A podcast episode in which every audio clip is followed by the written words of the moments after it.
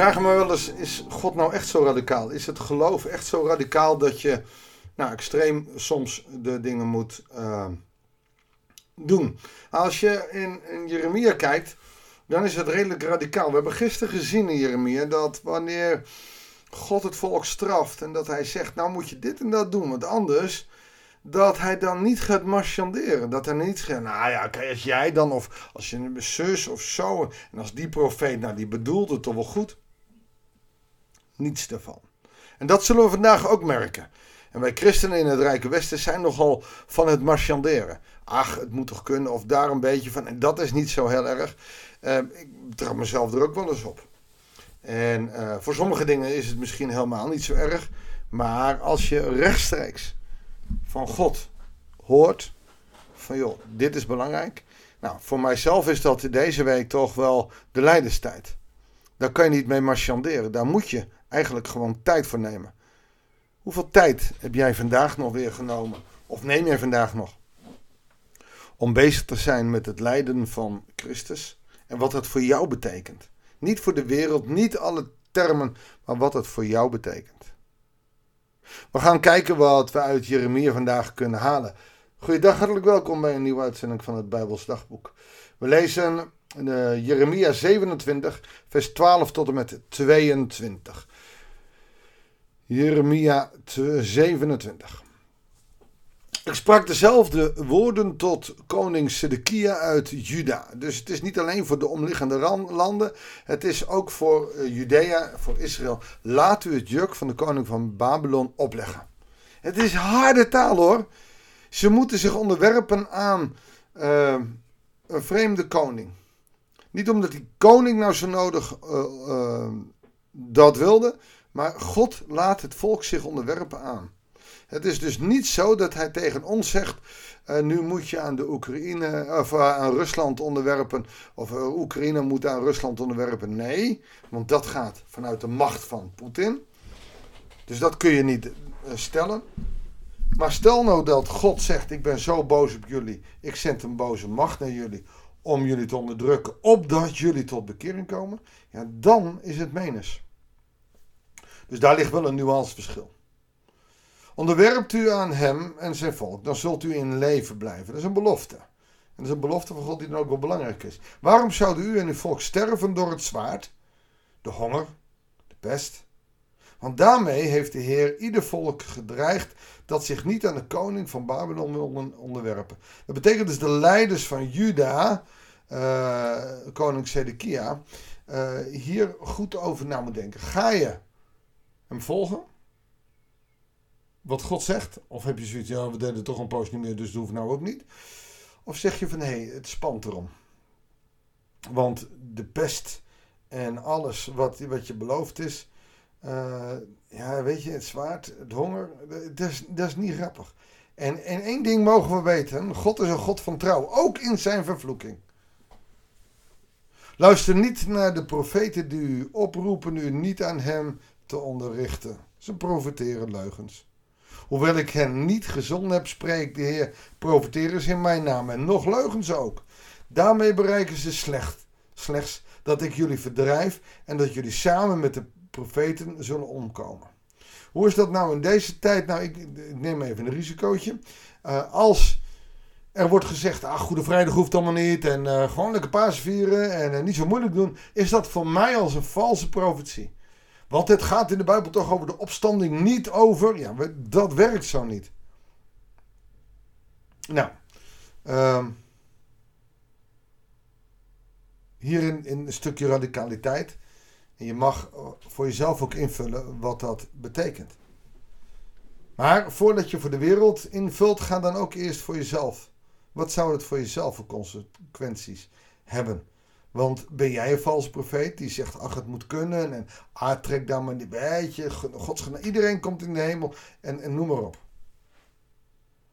Ook sprak ik tot de priesters van het volk Juda, vers 16. Dit zegt de Heer, luister niet naar jullie profeten die zeggen dat de kostbaarheden uit de tempel van de Heer spoedig uit Babylon uh, worden teruggebracht.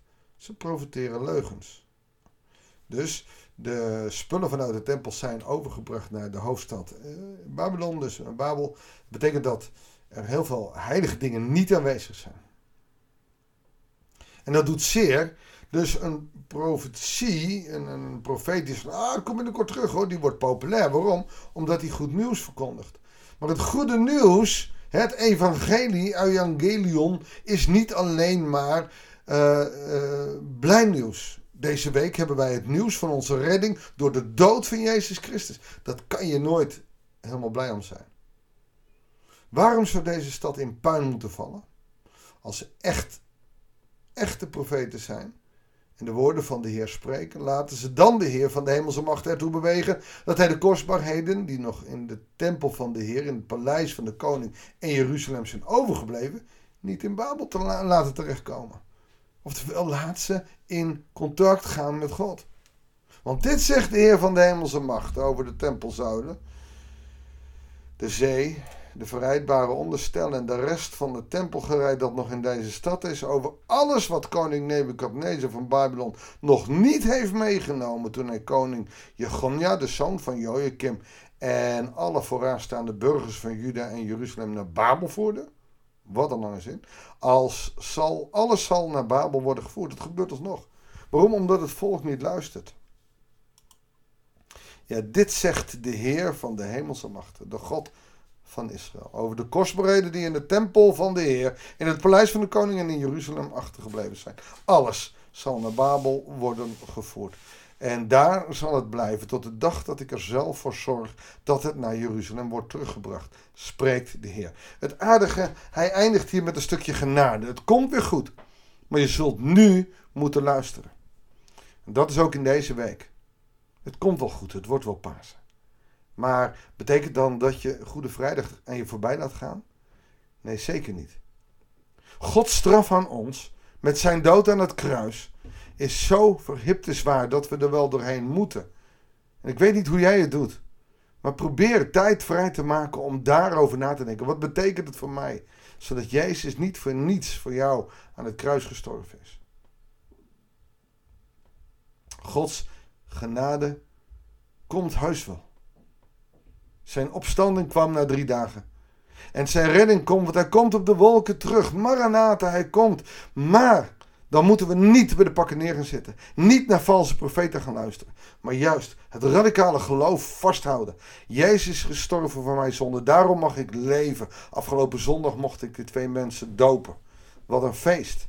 Maar daarin ook het voorbeeld hoe wij ooit gedoopt zijn. En, en in, in Christus verbonden zijn met zijn dood, maar ook met zijn opstanding. En dat is de belofte voor zijn wederkomst. Wat een ongelooflijk mooi beeld.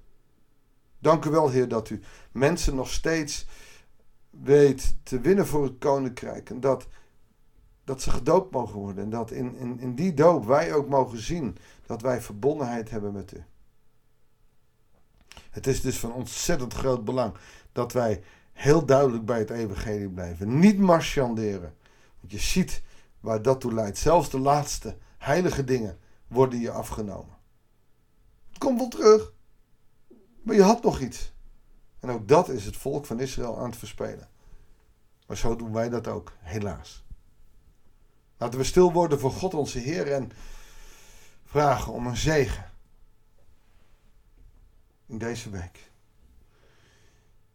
Heer, we hoeven niet naar Babylon, maar zijn wel op weg naar Goede Vrijdag. Daar waar u dood moest voor ons, voor mij. Daar waar ik eigenlijk niet snap waar dit om gaat. Maar daar waar het zo belangrijk is dat we u volgen. Dat we onder dat kruis doorgaan voordat er überhaupt het u zij de glorie van onze lippen heerst. Heere God, zegen ons. Help ons daarmee door de kracht van uw geest. Amen. Dankjewel voor dit moment. Ik wens je God zegen en heel graag tot de volgende uitzending van het Bijbels Dagboek.